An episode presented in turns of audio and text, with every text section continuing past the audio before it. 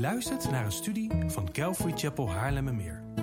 We bidden dat de Heer tot je zal spreken en je zult groeien in jouw persoonlijke relatie met de levende God.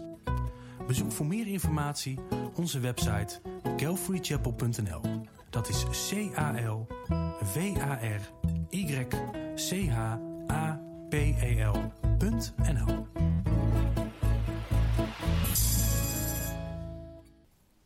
Sla alsjeblieft je Bijbel open op het prachtige Bijbelboek Romeinen. We zijn ondertussen alweer flink wat weken bezig. Dit is onze negende studie ondertussen in het Bijbelboek Romeinen. En uh, ik weet niet, volgens mij had ik het met Martien over voor toen we aan Romeinen zouden beginnen. En hij vroeg, heb je een idee hoeveel studies je erover gaat doen? met dit tempo heb ik echt geen idee. Maar ik ben wel heel dankbaar voor wat God ons allemaal aan het laten zien is. In ieder geval voor mij mijn beeld van God, mijn beeld van genade, mijn idee van wie God is, is groter geworden. Niet per se veranderd, maar groter geworden. En ik hoop ook dat door deze studies heen jullie God beter gaan leren kennen. Dat jullie niet naar mij zitten te luisteren, maar vooral echt Gods woorden horen. Want dat is wat we nodig hebben. Um, in deze negende studie gaan we kijken naar het hoogtepunt van het eerste deel van de Romeinenbrief. We gaan kijken naar een van de punten waar Paulus naartoe werkt. En dat is Romeinen 3, vers 19. En daar zullen we straks ook op ingaan. En we gaan zien dat alle mensen doenwaardig zijn voor God. Dat is wat Romeinen 3, 19 zegt. En ik weet dat ik dat herhaald heb en herhaald heb en herhaald heb. En dat klinkt misschien niet per se als een hele vrolijke, opbeurende, blije boodschap om te brengen. Maar ik wil vandaag ook met jullie kijken naar een van de redenen waarom dit zo belangrijk is en waarom het eigenlijk heel erg goed nieuws is dat God dit herhaalt. Voordat we daarin gaan, we, hebben we vorige week gekeken naar het feit dat God goed en rechtvaardig is, ondanks de mens. We hebben gezien dat het noodzakelijk is om God te leren kennen. We hebben gezien dat het noodzakelijk is om God te kennen, omdat je anders afgeleid kan worden door de vijand. En omdat de vijand je dan kan misleiden naar dingen die niet van God zijn. Dat je gaat twijfelen, dat je gaat zeggen: laten wij het kwade doen opdat daaruit het goede voortkomt. Dat zijn van die menselijke gedachten die niet kloppen. En door het woord heen, door God te kennen heen, horen we juist te gaan zien wat wel echt Gods wil is. Wat wel echt is wat God zegt. En we gaan vandaag zien wat de hoogste nood van de mens is. We gaan zien wat de hoogste nood van de mens is. En nog belangrijker, wat de oplossing is voor die hoogste nood. We gaan zien dat alle mensen die onder het oordeel geplaatst zijn, dat die mensen dezelfde nood en dezelfde oplossing hebben. En we hebben tot nu toe gezien in de eerste drie hoofdstukken dat alle mensen onder het oordeel van God vallen. En waarom zegt Paulus dat? Nou, hij wil dat ieder mens begrijpt dat ze Jezus nodig hebben. Hij wil dat de mensen dat begrijpen die, die overduidelijk in zonde leven en die niet, misschien niet eens aan God denken. Hij wil dat de mensen die denken dat ze het zelf heel goed doen en misschien wel neerkijken op anderen, dat die doorhebben. Ik heb Jezus nodig. Hij wil dat de mensen met de geschreven wet en zonder de geschreven wet weten dat ze Jezus nodig hebben. En hij wil dat de religieuze mens, die denkt door zelf te werken Gods liefde te verdienen, dat ook die mens inziet dat het niet werken is, maar genade. Omdat onze werken nooit, nooit, nooit goed genoeg zijn. God wil dat wij doorhebben dat het, dat, dat het alleen maar door genade is. Charles Haddon Spurgeon heeft een prachtig boek gelezen. Hij heeft geschreven, sorry. Hij heeft meer boeken gelezen, maar het gaat om een boek dat hij geschreven heeft. En dat, in het Engels heet dat All of Grace. Alles uit genade.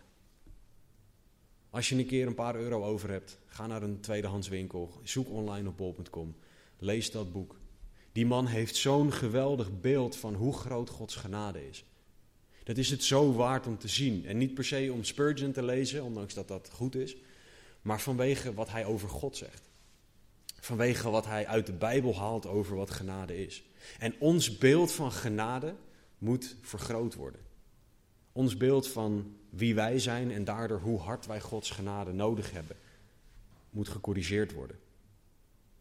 Paulus die gaat ons vanochtend laten zien, nogmaals, dat ieder mens een probleem heeft wat onze hoogste nood is.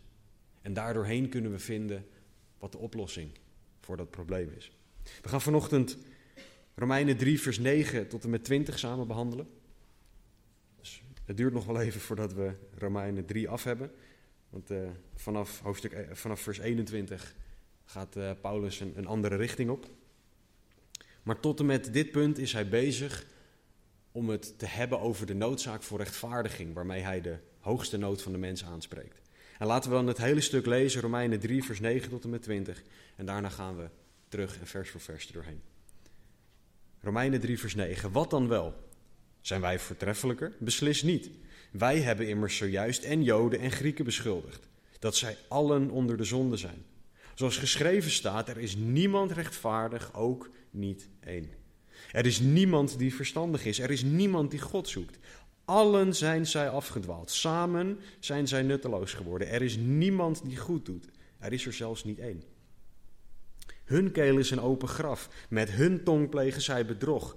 Addergif is onder hun lippen. Hun mond is vol vervloeking en bitterheid. Hun voeten zijn snel om bloed te vergieten. Vernieling en ellende is op hun wegen en de weg van de vrede hebben zij niet gekend. De vreze Gods staat hun niet voor ogen. Wij weten nu dat alles wat de wet zegt, zij dat spreekt tot hen die onder de wet zijn, opdat elke mond gestopt wordt en de hele wereld doemwaardig wordt voor God. Daarom zal uit de werken van de wet geen vlees voor hem gerechtvaardigd worden. Door de wet is immers kennis van zonde. Laten we bidden. Vader, dank u wel voor uw woord. Heer Jezus, dank u wel dat u het levende woord bent. En Heilige Geest, dank u wel dat u het woord geschreven hebt en dat u het aan ons wil uitleggen. Heer, laat er vanochtend niks van mij bij zitten. Laat alleen maar uw woorden gesproken worden, zodat harten veranderd worden. Heer, want dat kan ik niet. Heer, ik kan geen woorden van eeuwig leven spreken, dat kan alleen u. Dus Heer, doe een wonder. Niks van mij, alles van u. Heer, want dat is wat we allemaal nodig hebben. Amen.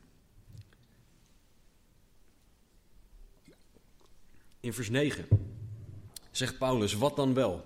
Vergeet niet, wij hebben tussenkopjes en van die heerlijke uh, en B'tjes en C'tjes voor verwijzingen. Die zijn echt heel goed om te gebruiken trouwens, voor, uh, om meer de Bijbel te leren kennen. Het zijn verwijzingen naar waar woorden of ideeën vaker voorkomen.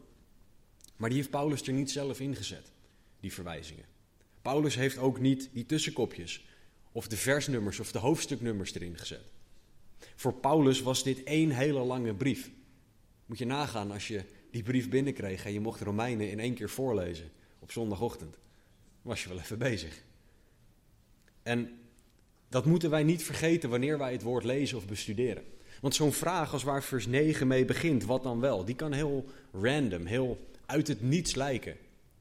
Als je hem niet ziet als onderdeel van het grotere geheel wat Paulus aan het vertellen is.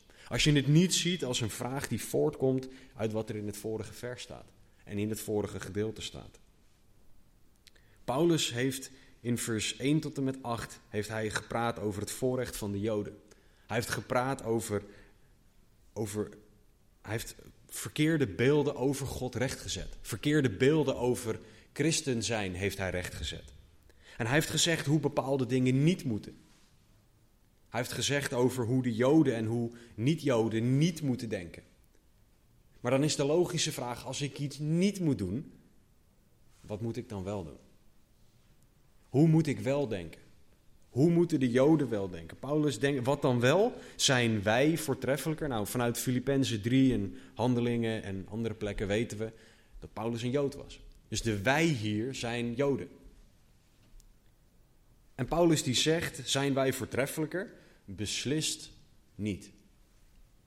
Uit eerstehands ervaring weet ik dat religieuze Joden een bepaalde houding van arrogantie hebben. Kunnen hebben, maar ze vaak ook hebben. En die houding, die niet Jood-eigen is, maar mens-eigen is, die mag niet voorkomen in de christen. Het mag niet zo zijn dat je als christen denkt: ik ben voortreffelijker, want ik heb Jezus. Dat is ook waarom Paulus die gedachte direct de kop indrukt. Hij zegt namelijk, vers 9: Wij hebben immers zojuist en Joden en Grieken beschuldigd dat zij allen onder de zonde zijn. Paulus wil dat de lezers, dat de Romeinen, dat elke christen zich realiseert dat ieder mens geoordeeld wordt onder Gods wet. Daar is geen voordeel in jouw DNA. Jouw Joodse DNA dat je dan bijvoorbeeld zou kunnen hebben.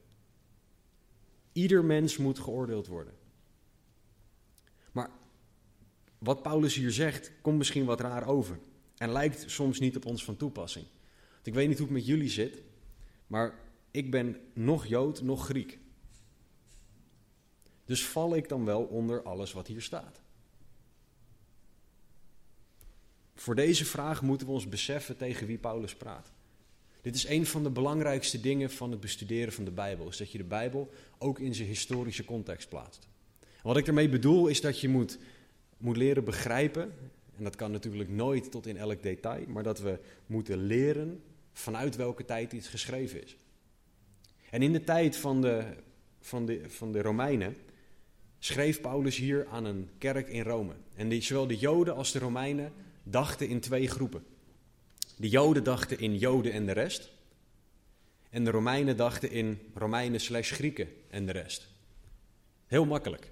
Dat als wij Nederlanders zouden denken, Nederlanders en zully, de rest. Dat is de manier van denken die zij hadden. Dus op het moment dat Paulus het hier heeft over en Joden en Grieken, dan heeft hij het over vanuit zijn wij, wij Joden, wij Joden en de rest. Wie dan ook de rest is. Welke afkomst dan ook. Welke huidskleur dan ook. Welke taal, cultuur, geografie, het maakt niet uit. Allen zijn onder de zonde. Het is echt belangrijk dat wij begrijpen dat de Bijbel in een andere tijd geschreven is. Het is belangrijk om dat te begrijpen, zodat je kan leren begrijpen wat het woord zegt. Een klein voorbeeld is dat er in de psalmen en in de spreuken bijvoorbeeld gesproken wordt over dat God tot in, ehm, tot in de nieren of in het binnenste van je buik komt. Ze hadden, dat was hun idee voor het diepste van de mens. Zij hadden nog geen idee van atomen en van materie en antimaterie, van neutronen en protonen. En zover gaat mijn natuurkundige kennis, dat ik die woorden ken. Maar zij wisten niet van die dingen. Het enige wat zij wisten, niet lachen Matthijs. het enige wat zij wisten was dat het diepste van de mens, dat zat in je buik. Want als je verder doorging, dan kwam je weer bij iemands rug uit. En dan was je er al doorheen. In hun, in hun denken, als je het had over dat God in, het, in je buik, in het diepste, in je nieren kwam, dan zat God in het diepste van je wezen. Maar als je het letterlijk leest, dan denk je, ja, wat hebben, wat hebben deze organen er nou weer mee te maken? Door het in zijn context te leren lezen, ga je begrijpen wat bepaalde uitspraken betekenen. En hetzelfde hier, en Joden en Grieken betekent allen. En voordat wij denken dat wij niet onder Joden en Grieken vallen, maakt Paulus en maakt God het duidelijk. Dat zij allen onder de zonde zijn. Vers 10, er is niemand rechtvaardig, ook niet één. Vers 11, er is niemand die verstandig is. Er is niemand die God zoekt. Allen vers 12 zijn afgedaald, samen zijn ze nutteloos. Er is niemand, zelfs niet één. Hun keel, hun tong, hun bedrog, hun lippen, sorry Jonas, hun mond, hun voeten, hun wegen, zij, hun. God herhaalt hier, tot op irritatie aan toe bijna. Jij valt hieronder. Allen, niemand uitgezonderd. Iedereen is een zondaar. Dit is de hoogste nood van de mens. Dit is wat Paulus wil dat alle mensen begrijpen. Ongeacht afkomst, ongeacht cultuur, ongeacht taal. Alle mensen moeten dit begrijpen. En dat is zo'n belangrijk uitgangspunt. Want op het moment dat wij allemaal dit uitgangspunt hebben, zitten we allemaal in hetzelfde schuitje. En dan heb ik geen reden om neer te kijken op iemand anders dan maakt het niet uit hoe iemand eruit ziet, hoe iemand praat, waar iemand vandaan komt. Want we zijn allemaal mensen die zondaren zijn, die redding nodig hebben. God wil dat wij onze situatie goed begrijpen. Dat wij dit uitgangspunt goed begrijpen. In het Grieks gebruikt God ook hele specifieke woorden. Hij zegt in vers 9 dat zij allen onder de zonde zijn. In het Grieks wijst dat op iets heel specifieks. Bijbelcommentator Morris kan het beter verwoorden dan ik. Hij ziet zonde, Paulus ziet zonde als een tyrannieke heerser of een tiran. Zodat zondaars onder het juk van die tiran zijn. Zij kunnen niet loskomen. Je moet je indenken dat dit gaat om een heerser die op een slavernijachtige manier heerst over degene die, die onder hem is. En dit is taalgebruik waar, wat Paulus niet vreemd is. In Romeinen 6, vers 16 en 17 zegt Paulus het volgende. Weet u niet dat aan wie u uzelf als slaaf ter beschikking stelt tot gehoorzaamheid, u slaaf bent van wie u gehoorzaamt, of van de zonde tot de dood, of van de gehoorzaamheid tot gerechtigheid. Maar God zij dank, u was wel slaaf van de zonde, maar nu bent u van harte gehoorzaam geworden aan het voorbeeld van de leer waaraan u overgegeven bent. Slaaf of van de zonde tot de dood, of van de gehoorzaamheid tot gerechtigheid. Dat is hoe God ons ziet. We zijn of slaaf van de zonde, of slaaf van de gerechtigheid. Dit is de staat van de mens. Daar mag je me mee oneens zijn.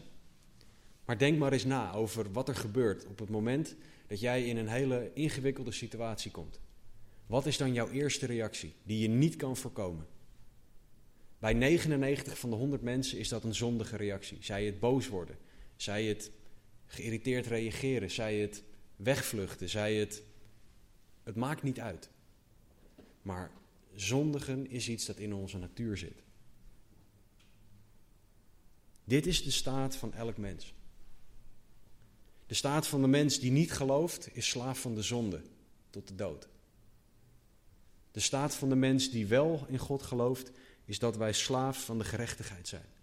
Tenzij wij terugrennen naar ons vlees en weer doen wat ons vlees wil. En we moeten ons ook beseffen dat van wie wij slaaf zijn gevolgen heeft. En de gevolgen zijn dood of leven. En dat is ook waarom Jezus kwam. Dat is waarom het evangelie zo belangrijk is. Dat is waarom dit hele boek gewijd is aan het evangelie vertellen.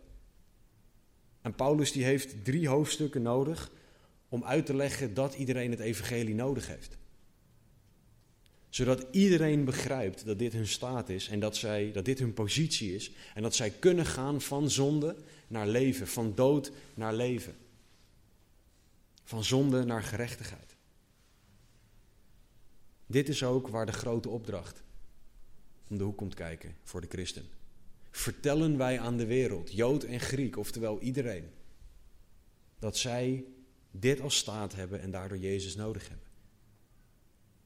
Of vinden we dat eng? Of is het niet van deze tijd? Of welke reden dan ook? De grote opdracht is om discipelen te maken van alle volken. Niet van de volken die wij leuk vinden. Niet van de volken waar wij graag bij zijn. Alle volken moeten dit weten. Allemaal hebben wij Jezus nodig. En Jezus is de hoogste nood van de mens. Want door onze zonde hebben wij Jezus nodig. Door onze zonde, onze nood, hebben wij het kruis nodig. En Jezus is de oplossing voor onze hoogste nood. Paulus die maakt duidelijk in vers 9: Jood en Griek zijn beschuldigd. Zij zijn allen onder de zonde. En Paulus werd ervan beschuldigd, dat zie je door al zijn brieven heen, dat hij niet meer de wet onderwees. Dat hij niet meer het Oude Testament onderwees, maar dat hij een of ander raar ja, addendum, toevoeging aan de, aan de Bijbel was gaan, gaan onderwijzen. En om te bewijzen dat hij dat niet doet, gaat Paulus vanaf nu, vers 10 tot en met vers 18 zo'n beetje, gaat hij alleen maar Oud Testament citeren. Daarbij gaat hij uit van een hoop Bijbelkennis, wat voor mij echt wel een confronterend punt is. Ik kan namelijk niet zomaar zeggen waar de meeste van deze versen staan. Gelukkig hebben we die beetjes en die C'tjes. Um, maar Paulus die laat hier zien dat hij dit niet verzint. Hij laat hier zien dat hij vasthoudt aan het Oude Testament en aan de God die de Joden eigenlijk ook hoorden te dienen. Alleen dat hij nu laat zien, dit is de weg. Paulus die citeert in vers 10 tot en met 12, Psalm 14 en Psalm 53. Dat heb ik opgezocht. En hij gaat een analyse maken. Ik ben zelf analist op mijn werk, dus ik vind analyses op zich altijd wel interessant. Hoe sluitend kan je hem krijgen en zo? Nou, Paulus krijgt hem erg sluitend. Dat doet hij heel conscientieus. Laten we lezen vers 10 tot en met 12. Zoals geschreven staat, daarmee wordt altijd verwezen naar het Oude Testament. Er is niemand rechtvaardig, ook niet één. Er is niemand die verstandig is. Er is niemand die God zoekt. Allen zijn zij afgedwaald, samen zijn zij nutteloos geworden. Er is niemand die goed doet. Er is er zelfs niet één. In vers 9 tot en met 12 gebruikt Paulus één keer het woord samen, twee keer het woord allen, twee keer niet één en vier keer het woord niemand. Als dat niet genoeg reden is om te zeggen dat ook jij een zondaar bent, dan weet ik het niet meer. En als jij denkt dat je er niet onder valt, dan gaat Paulus vanaf vers 13 zo nog even verder. Maar laten we nog even bij vers 10 tot en met 12 blijven. Paulus die wil dat wij doorhebben dat niemand goed doet. En dat onze hoogste nood als mens zonde is. Want niemand, niet één, niemand, niemand, samen, niemand, niet één, doet goed. Paulus wil dat wij doorhebben dat God al vanaf het begin wist dat dit de situatie van de mens was. Het is niet zo dat God het Oude Testament liet gebeuren en dat hij er toen achter kwam.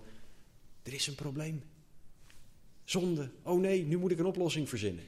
Vanaf het begin wist God al dat dit de situatie van de mens was.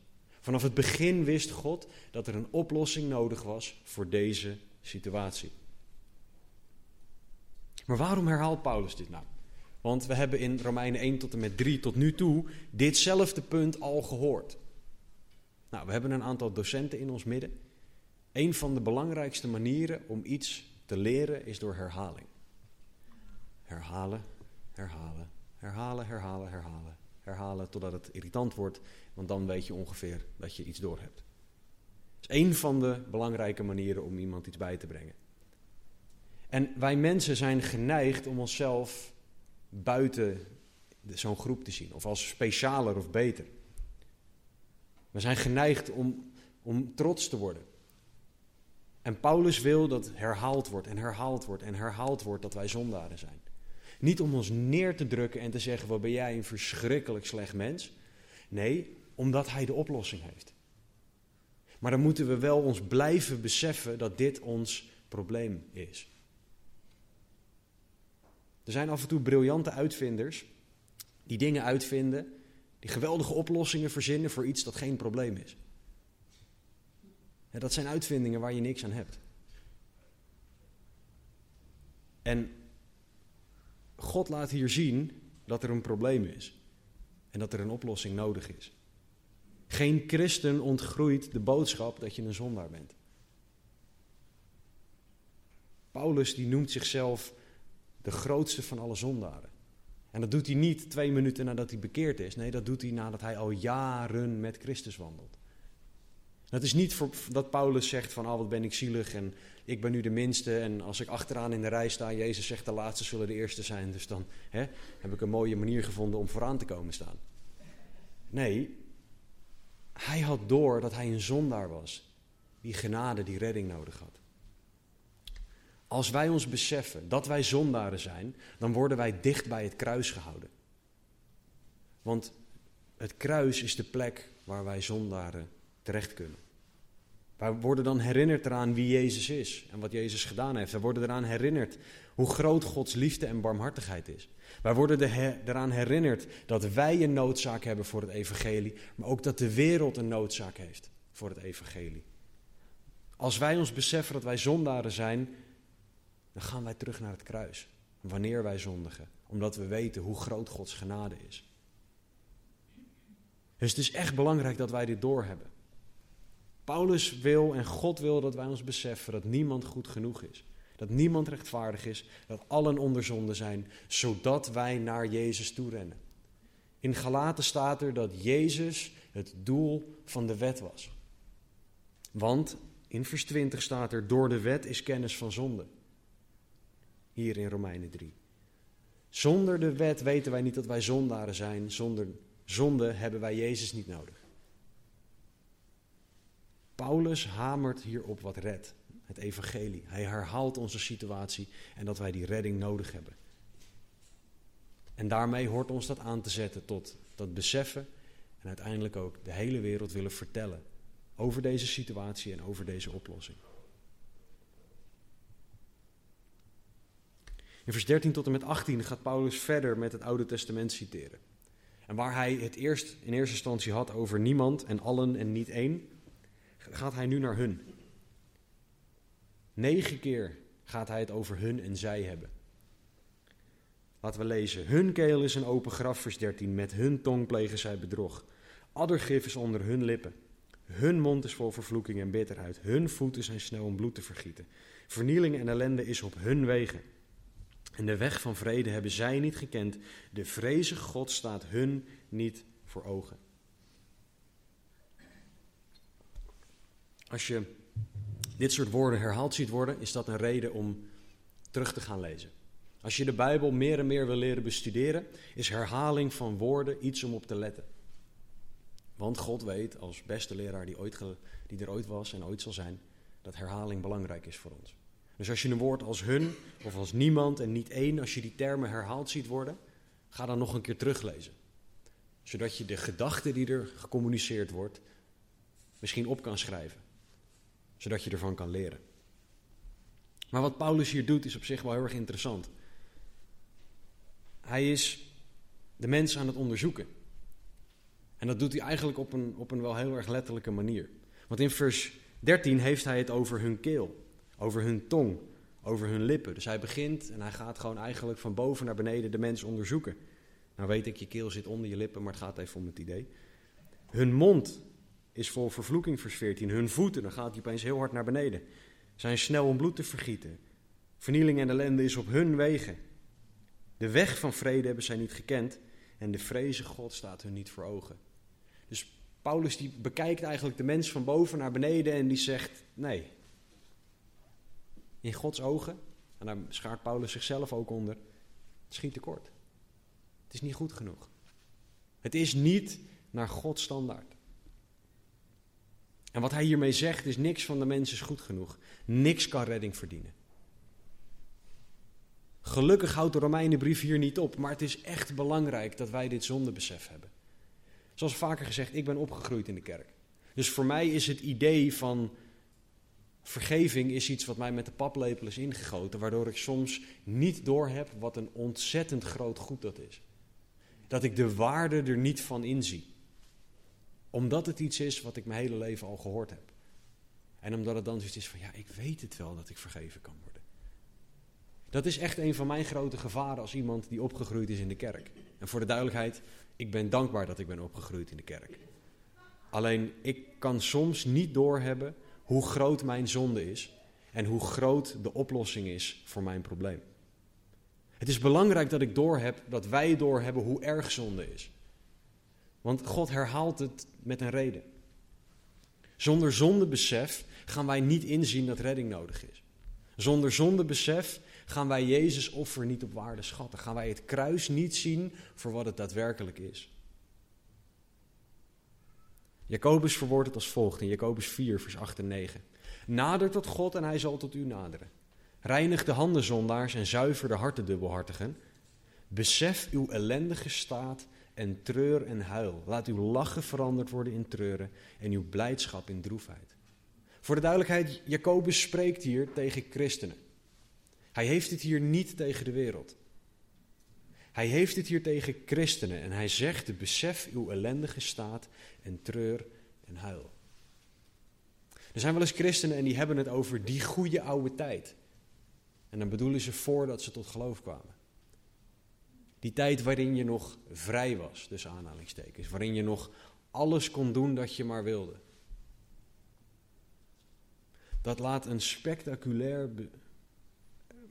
onbegrip van zonde zien. En ik weet dat dat een heel flink statement is en dat dat misschien heel hard over kan komen. Maar wij moeten ons beseffen wat zonde doet. Want Jesaja 59, vers 1 en 2 zegt het volgende. Zie, de hand van de Heer is niet te kort dat ze niet zou kunnen verlossen. En zijn oor is niet toegestopt dat het niet zou kunnen horen. Maar uw ongerechtigheden maken scheiding tussen u en uw God. Uw zonden doen zijn aangezicht voor u verborgen zijn, zodat hij u niet hoort. Dat is wat zonde doet. Zonde maakt scheiding tussen God en mens. God is niet bezig om eens even van boven lekker te wijzen op wat je wel niet fout doet, zodat hij daar gewoon even lekker op kan hameren. Dat hij gewoon even het bloed onder je nagels vandaan wil zitten pulken door je te vertellen hoe slecht je wel niet bent. Nee, God die ziet dat die relatie die hij met ons wil hebben, dat zonde dat in de weg zit. Hij ziet dat relatie verhinderd wordt door zonde. En dat is een probleem voor God. Dat is een probleem voor ons. Want God is heilig en hij kan, wil geen zonde bij zich hebben. Anders zou hij niet meer heilig zijn. Zonde is niet om te lachen. Zonde is niet iets om naar terug te verlangen. Zonde is de hoogste nood van de mens. Zonde is de reden dat Jezus naar de aarde kwam en dat hij stierf. Zonde is de reden dat Jezus kwam, stierf, opstond en weer terugging naar de hemel. De vier eigenschappen van het evangelie. Zonder zondebesef is dat allemaal nutteloos. Zonder zondebesef had Jezus niet hoeven komen. Dat maakt toch voor jou niet uit dan. Want zonde, ach ja, maakt, maakt niet uit. Jezus is de plaatsvervanger voor ieder mens geworden. Jezus is het plaatsvervangende offer geworden voor ons. Jezus is het, is het perfecte offer voor ons geworden. In het Oude Testament wordt de basis gelegd voor de reden dat Jezus als offer moest komen. In Leviticus kun je lezen over dat een offerdier perfect moest zijn. Dat het zonder smet moest zijn. Maar er staat nergens dat de persoon die je dier komt brengen perfect moet zijn. Alleen het offer moet perfect zijn. De offeraar, degene die met het dier kwam, moest leunen op het offer, staat er letterlijk. Niet andersom. Jezus is dit voor ons geworden. Perfect, zonder smet. En wij kunnen altijd op Hem leunen. Maar dat zien we pas, dat gaan we pas doen als we inzien dat we zondaren zijn. Ja, ook jij, christen, bent nog steeds een zondaar. Je bent een zondaar gered door genade, maar je bent nog steeds een zondaar. Want als we dat vergeten, hoe makkelijk vervallen we dan in, ah, maar dat vindt God niet zo erg. Ja, maar dat, dat, dat, dat, God begrijpt dat wel. En ik heb een gesprek met God gehad en ik mag dit doen. Ik weet dat de Bijbel wat anders zegt, maar ik mag dit doen. Ik heb het er met God over gehad. Ik word hierdoor niet verleid. Misschien iemand anders, maar dan gaan we die houding krijgen. In de plaats van dat wij heilig zijn zoals God heilig is. Wat perfect is, compleet apart gezet. Er is in God geen zonde, dat is de standaard. Dat is hoe ons leven hoort te zijn, want dat is hoe Jezus was. En dat moeten we ons beseffen. Zondebesef was wat de Romeinen moesten krijgen door dit stuk tekst heen. Zondebesef is wat al deze citaten uit het Oude Testament in de mens moesten bewerkstelligen. Het moest een besef brengen van wie Jezus is, hoe groot Hij is en hoe groot de genade is die wij elke dag mogen ontvangen. We hebben het vaak over genade en ik heb het er ook over en ik vind het een prachtig iets. Maar in, ik zeg even uit mijn hoofd, Klaagliederen 3 staat er dat Gods barmhartigheid nieuw is elke morgen.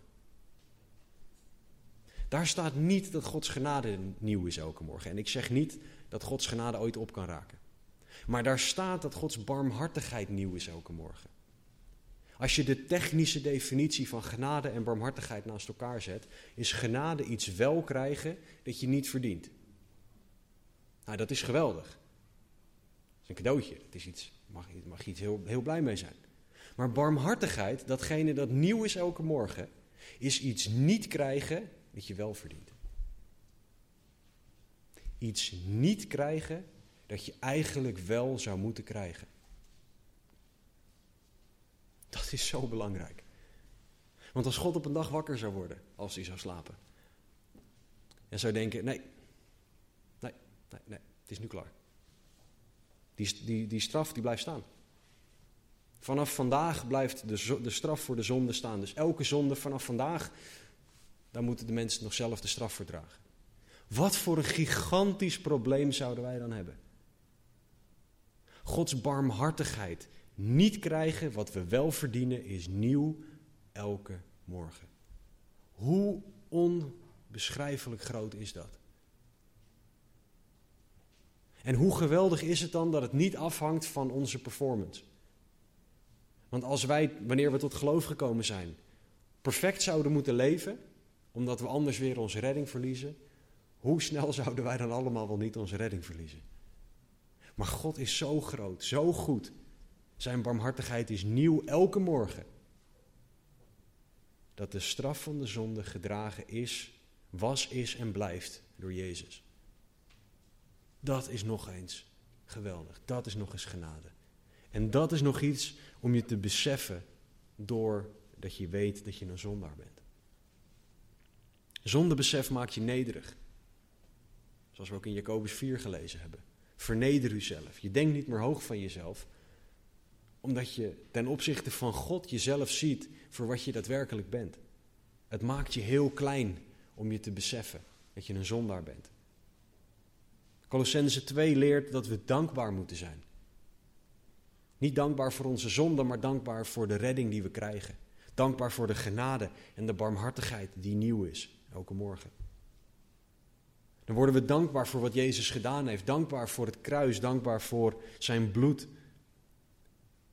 Zondebesef maakt ons afhankelijk. Daar spreekt Jesaja 26 ook over. Want als God ons namelijk van zonde kan redden, iets wat ingebed zit in alles wie we zijn, dan kan God alles. Als God ons daarvan kan redden, dan kan God alles. En dat betekent dus ook dat het zin heeft om met alles naar God toe te gaan. Want Hij kan alles. En zonder besef hoort ons ook evangelisten te maken. En daarmee bedoel ik niet, neem allemaal je zeepkistje straks van hier mee en ga op een straathoek staan. Ik bedoel dat wij allemaal discipelen moeten maken van alle volken. En dopend in de naam van de Vader, de Zoon en de Heilige Geest. Verkondigend alles wat Jezus ons geleerd heeft. In welke context jij ook woont. In welke context jij ook leeft. Wie je ook tegenkomt. Wie je ook spreekt. En dat zeg ik ook tegen de mensen van de livestream en die dit nakijken. God heeft jou, ons, u allemaal de opdracht gegeven om de wereld te vertellen over Jezus. Iedereen moet deze boodschap horen, alle volken. En het is aan God om voor, voor ons als individuen in te vullen wie dat precies zijn om die mensen op ons pad te brengen. Maar als wij geen zondebesef hebben, als wij niet doorhebben dat wij onder de niemand, de allen, de hun en de zij vallen die we net gelezen hebben, dan gaan we dat niet doen. Dan gaan wij de wereld niet vertellen over zonde, want ja, zonde, dat is zo heftig. En dat is zo'n vies woord. Er zijn nu zelfs kerken in Nederland en wereldwijd waar niet over het bloed van Jezus gesproken wordt. Want dat is zo vies en zo raar.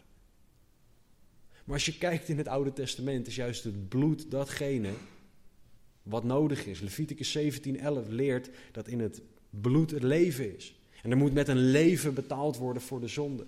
Dus als we het bloed van Jezus niet meer prediken, dan prediken we een lege evangelie. Wij moeten mensen vertellen over Jezus. En dat, dat gaan we pas echt doen als wij inzien dat wij zondaren zijn en daarmee de staat van elk mens zien. Want ieder mens is net zo slecht als wij. Doet zondebesef, doet het woord zonde nog iets met jou? Vind je het theoretisch interessant? Of doet het gewoon helemaal niks? Doet het je niks als God tegen jou zegt dat jij een zondaar bent? Die welkom is, want God houdt van zondaren. Maar dat God zegt dat jij een zondaar bent die redding nodig heeft. Ben jij nog wel dankbaar voor het kruis? Voor Jezus offer en Jezus redding? Jouw antwoorden op deze vragen zeggen heel veel over jouw zondebesef. Over hoe jij Jezus offer ziet. Hoe jij het kruis ziet. En hoe dankbaar jij echt bent voor wat Jezus gedaan heeft.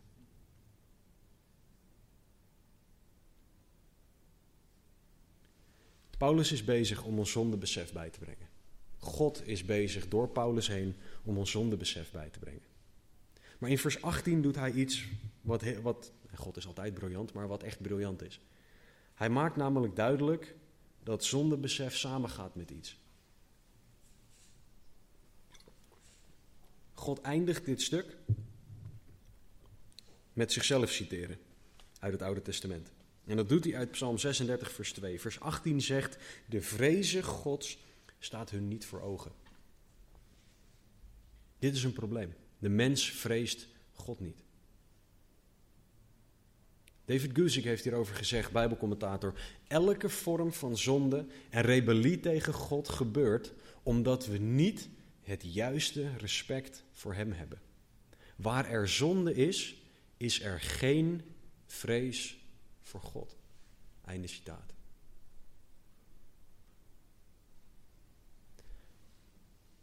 Spreuken 1923 zegt: De vrezen des Heren is ten leven. Verzadigd overnacht men door geen kwaad bezocht. Als wij God vrezen, dan vinden wij het belangrijker wat God vindt en wat God zegt dan onze eigen verlangens en onze eigen wil. En daarmee leidt dat tot leven. Psalm 112, vers 1. Halleluja! Welzalig de man of de mens die de Heere vreest, die grote vreugde vindt in zijn geboden. Als jij meer vreugde vindt in Gods woord en in God gehoorzamen dan in de dingen van de wereld, dan in de dingen van je vlees doen, dan zal jij leven. Dan zal je niet zondigen, maar dan zal je leven. Dan ben je gezegend. Prediker 12, geschreven door Salomo aan het einde van zijn leven. De slotsom van al wat door u gehoord is, is dit. Vrees God en houd u aan zijn geboden, want dit geldt voor alle mensen. Vrees God, houd u aan zijn geboden, dit geldt voor alle mensen. En bedenk je goed, hè, Salomo was rijker dan wij ons kunnen voorstellen. Fort Knox, dat gigantische fort in Amerika, waar al dat goud in ligt, is niks in vergelijking met wat Salomo had. Als je ziet wat Salomo aan goud, aan zilver, aan diamanten, aan spullen had. Hij wist van gekkigheid niet meer wat hij moest kopen. Hij ging zelfs pauwen kopen. Nou, ik vind pauwen vind prachtige dieren, maar ik hoef er echt niet eentje in mijn achtertuin te hebben. Hij had zoveel geld, zoveel goud, dat hij maar pauwen ging kopen. En dat hij maar allerlei dingen ging kopen, omdat hij het gewoon maar van gekkigheid niet meer wist. En die man, die alles had, die alles kon doen wat een mens maar wilde, zegt: De slotsom van alles is dit: Vrees God en houd u aan zijn geboden. Dat is wat de mens moet doen. Want op het moment dat die vrezen Gods afwezig is, en dat zien we in het leven van Salomo, dan ga je zondigen. Op het moment dat wij niet denken aan God en aan hoe groot Hij is en hoe pijn zonde Hem doet, dan gaan wij zondigen. Want dan gaan we mee in onze eigen wil, in ons vlees. Dan ga je liegen, bedriegen, pornografie kijken, overspel plegen. Dan ga je je belasting verkeerd invullen. Dan ga je moorden, te hard rijden. Wat dan ook de zonde is die je begaat. Als wij God niet vrezen, staat zonde klaar om ons bij de hand te pakken. Waar er zonde is, is er geen vrees voor God. Dus waar wij zondebesef moeten hebben, moet het ons juist aanzetten tot God zien, tot God kennen, tot doorhebben hoe ongelooflijk groot en ontzagwekkend God is. Want als we dat weten, dan zullen we inzien wat zonde is, maar ook dat we heel dicht bij God moeten blijven. Dit is waarom Paulus wil dat de Romeinen God echt kennen en hem daardoor gaan vrezen. God is geen tiran, dus we hoeven niet bang voor hem te zijn en dat hij met bliksem uit de hemel komt of zo, maar we moeten gezond ontzag voor hem hebben. Het is zo'n woord dat, ik ga nu een woord gebruiken dat heel erg misvormd is geworden door de jaren heen, maar je moet respect hebben voor God. En daarmee bedoel ik niet maar ik bedoel echt heilig ontzag voor wie God is. Ja, sorry, ik weet het dat het er niet uitziet als ik dat doe. Sorry. Maar het gaat even om het idee. Wij hebben het woord respect gemaakt tot iets wat het niet is. Maar het gaat erom dat je ontzag hebt voor wie God is, omdat je weet hoe groot Hij is, wat Hij allemaal wel niet kan doen, hoe ontzagwekkend Hij is, hoe klein ik ben in vergelijking met de God van hemel en aarde. Dat is waar dit om gaat. En je mag God leren kennen in de Bijbel. Want daar zie je zijn almacht, zijn glorie, zijn heiligheid. Het feit dat hij perfect rechtvaardig is. In vers 19 en 20 eindigt Paulus dit stuk over zondebesef, over God vrezen en daarmee over de hoogste nood van de mens. Hij zegt: Wij weten nu dat alles wat de wet zegt, zij dat spreekt tot hen die onder de wet zijn. Opdat elke mond gestopt wordt en de hele wereld doenwaardig wordt voor God. Daarom zal uit de werken van de wet geen vlees voor hem rechtvaardig worden. Door de wet is immers kennis van zonde. Wat Paulus zegt is: dit hebben we niet uit onszelf, dit zondebesef. Dit is waar de wet van God zijn werk doet. We hebben wel een, een geweten waarin God ons dingen duidelijk maakt, maar het echte zondebesef komt door het woord van God. En het probleem van de mensen is dat wij leven voor onszelf in de plaats van leven voor God. Dit is waar wij echt een probleem hebben als mensen. Wij leven niet voor God, wij leven voor onze eigen wil, onze eigen verlangens. We hebben gezien dat in hoofdstuk 1 de onrechtvaardige, in hoofdstuk 2 de zichzelf rechtvaardigende mens, in hoofdstuk 2 nogmaals de, de mens met en zonder geschreven wet. De religieuze mens, de Jood en de Griek, dat het allemaal zondaren zijn. En dat zondebesef komt door de wet. Ongeacht afkomst, ongeacht wat dan ook, is ieder mens een zondaar. We hebben hetzelfde probleem, dezelfde hoogste nood, met dezelfde oplossing. En dit is waarom Paulus in Romeinen hoofdstuk 1 spreekt over het evangelie. Gods kracht tot redding, tot zaligheid voor de mens. Wij moeten inzien, zoals vers 20 ons zegt, dat uit de werken van de wet geen vlees voor hem gerechtvaardigd zou worden. En daar staat bij mij zo'n sterretje bij, bij dat woord vlees. In mijn geval moet ik dan even naar rechts onderin in mijn Bijbel. En daar staat dat dat woord vlees een zondig mens betekent. Dat het daarnaar verwijst. Alle mensen zijn zondaren. Of, en omdat wij de wet niet kunnen houden, zal de wet geen zondig mens rechtvaardigen. Want wij kunnen de wet nooit perfect houden. En dat is een probleem. Maar dat is waarom Jezus kwam. Zowel de Romeinse christenen, waar heel veel Joodse mensen van afkomst zaten, als de christenen hier vandaag, of die via de livestream of dit terug gaan kijken, meekijken. Wij moeten ons beseffen dat onze werken ons niet gaan redden. Hoe hard jij ook je best doet, hoeveel goeds jij ook doet, het gaat je niet redden. Alleen Gods genade redt. Alleen het kruis redt. Alleen Jezus Christus redt. We hebben de wet nodig, maar we moeten niet denken dat we hem kunnen houden. Door de wet is namelijk iedereen doenwaardig geworden voor God. Niemand wordt gered. Want de wet heeft dit doel, dat wij kennis van zonde hebben. Dan is het zo prachtig dat er in Galaten 3 staat dat de wet onze leermeester tot Christus is. En dat is waar Paulus ons naartoe aan het brengen is. Ja, je bent een zondaar, maar Christus. In Hebreeën 11, nee niet, rond dat, volgens mij is Hebreeën 9, maar maakt niet uit.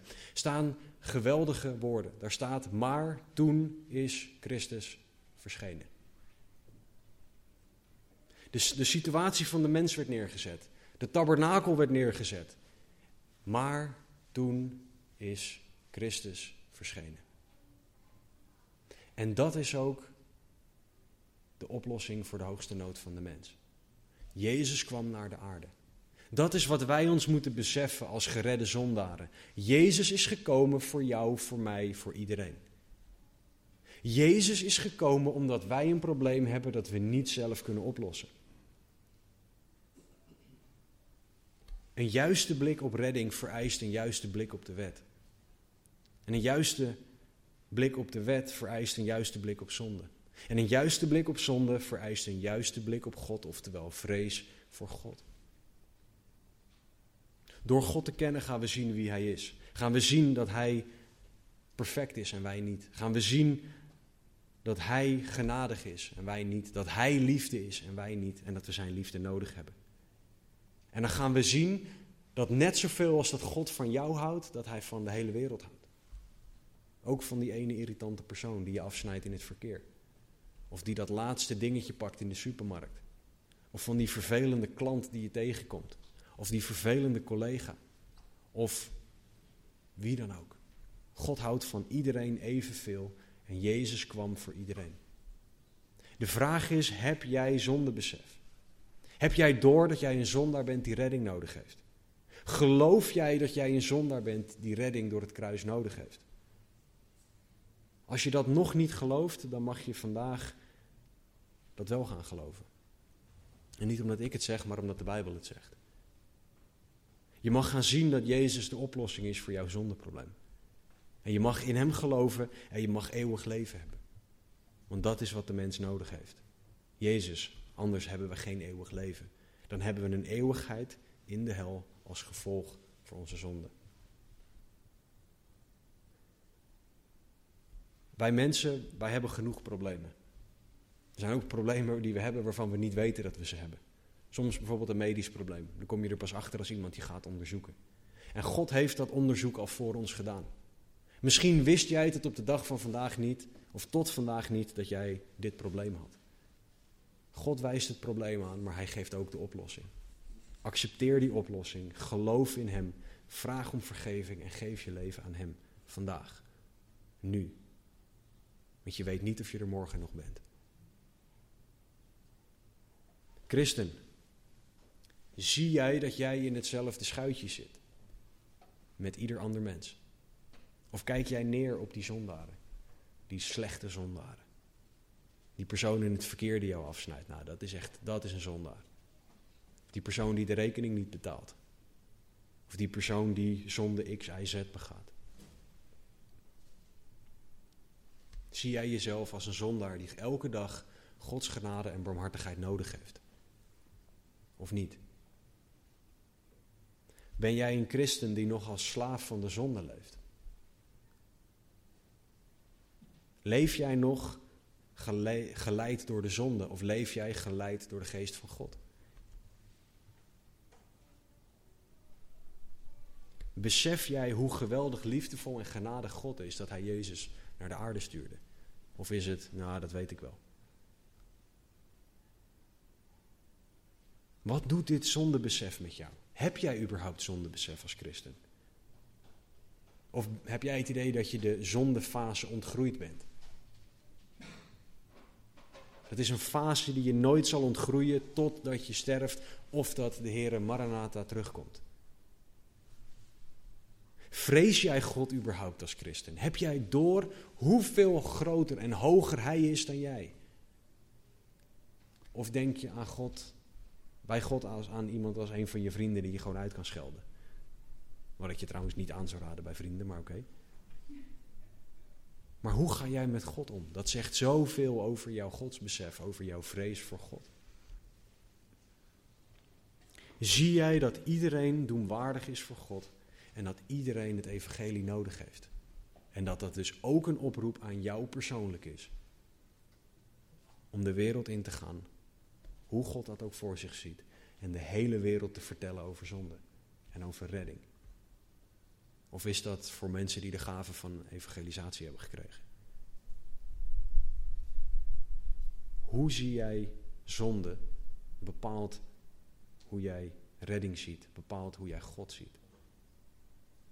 En als jij een juist godsbeeld hebt, zul jij een juist beeld van zonde en van redding hebben. En zul jij dit de hele wereld vertellen, omdat dat de hoogste nood van de mens is.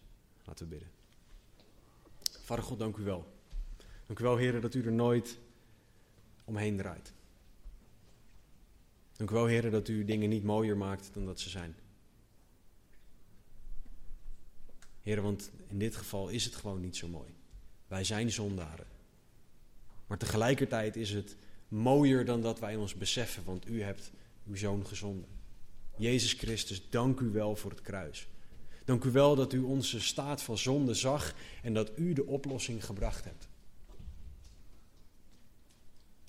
Dank u wel, Heer Jezus, dat u onze redder bent. Dank u wel dat u ons laat zien wat zonde is. Dat u ons laat zien wie God is. En dat wij door die combinatie u mogen dienen, u mogen eren, u mogen loven. Heer, spreek tot iedereen vandaag, Heer. Ik heb een hele hoop gezegd, maar het gaat erom dat u gesproken hebt. Heer, raak de harten aan. Heer, breek door muren heen, verzacht harten. Breng mensen tot geloof. Maar Heer, ook breng zondebesef terug.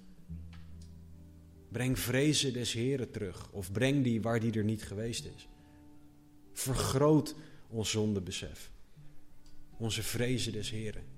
Vergroot ons beeld van hoe groot, hoe hoog de nood van de wereld is. Zodat wij de wereld zullen vertellen over Jezus. Heer, dank u wel dat u zo goed bent.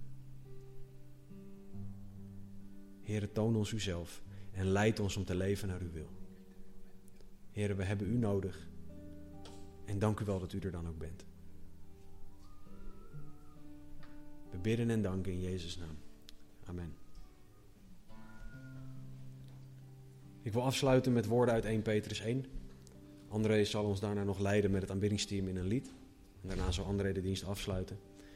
Maar Petrus zegt het volgende in 1 Petrus 1. Omgord daarom de lendenen van uw verstand. Wees nuchter en hoop volkomen op de genade die u gebracht wordt in de openbaring van Jezus Christus.